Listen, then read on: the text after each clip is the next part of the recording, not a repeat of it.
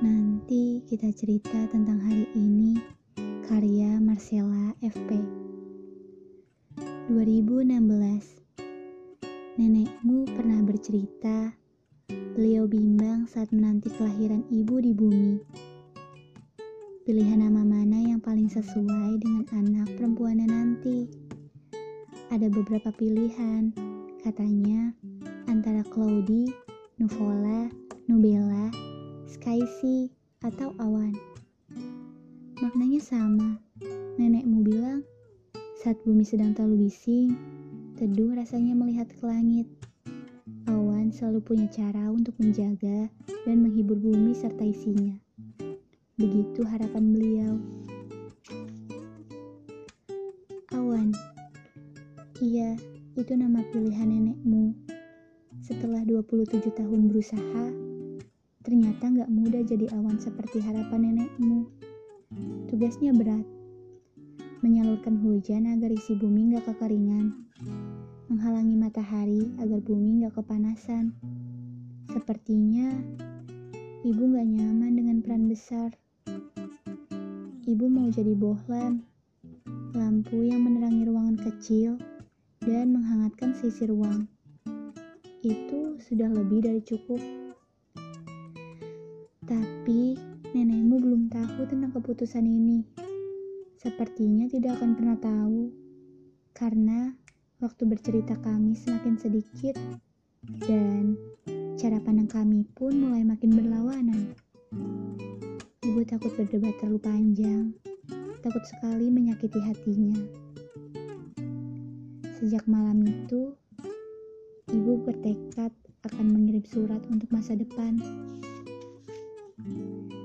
Tentang memori, gagal, tumbuh, patah, bangun, hilang, menunggu, bertahan, berubah, dan semua ketakutan manusia pada umumnya.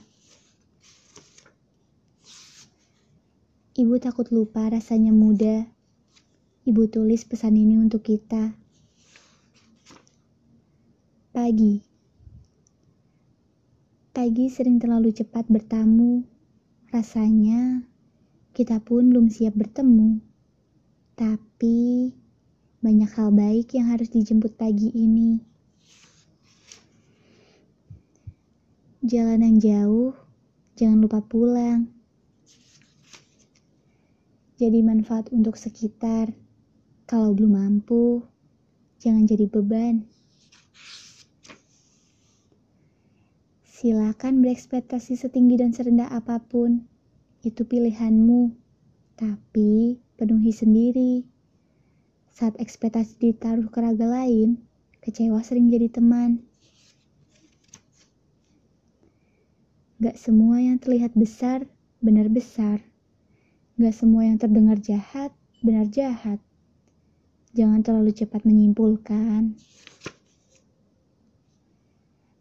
Menjauh dari kata tolong, terima kasih, dan maaf. Itu cara instan memberi makan ego.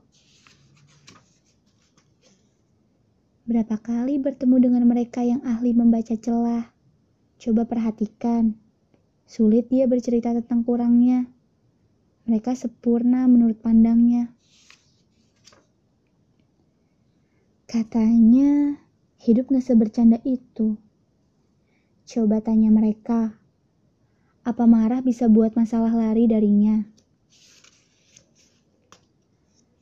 Rasa takut sering menang dalam diri ibu.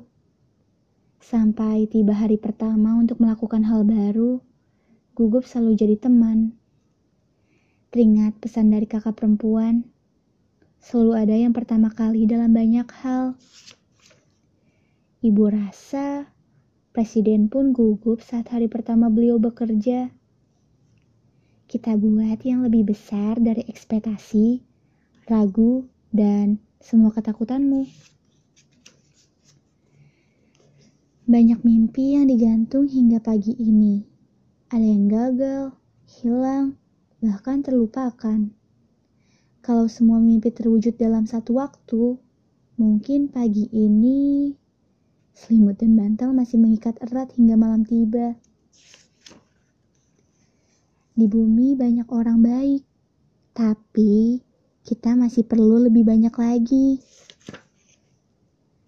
Kakekmu sering berpesan, kalau bekerja jangan setengah-setengah. Benar, beliau jarang salah. Semua yang sepenuh hati pasti sampai ke hati lain. Nyaman itu jebakan.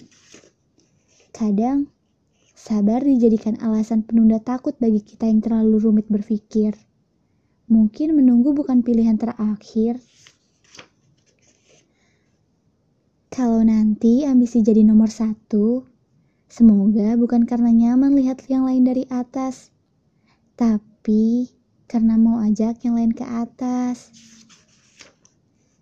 Gak masalah beberapa kali kalah, beberapa kali mengalah, sampai tiba satu waktu untuk bangun dan melawan.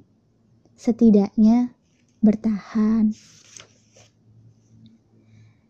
Nanti, bila kamu datang ke hidup orang lain, beritahu alasannya. Hingga nanti kamu harus berhenti, beritahu alasannya. Jangan siksa mereka menebak lanjutan cerita. Bumi gak hanya berputar buat kita, jadi jangan egois.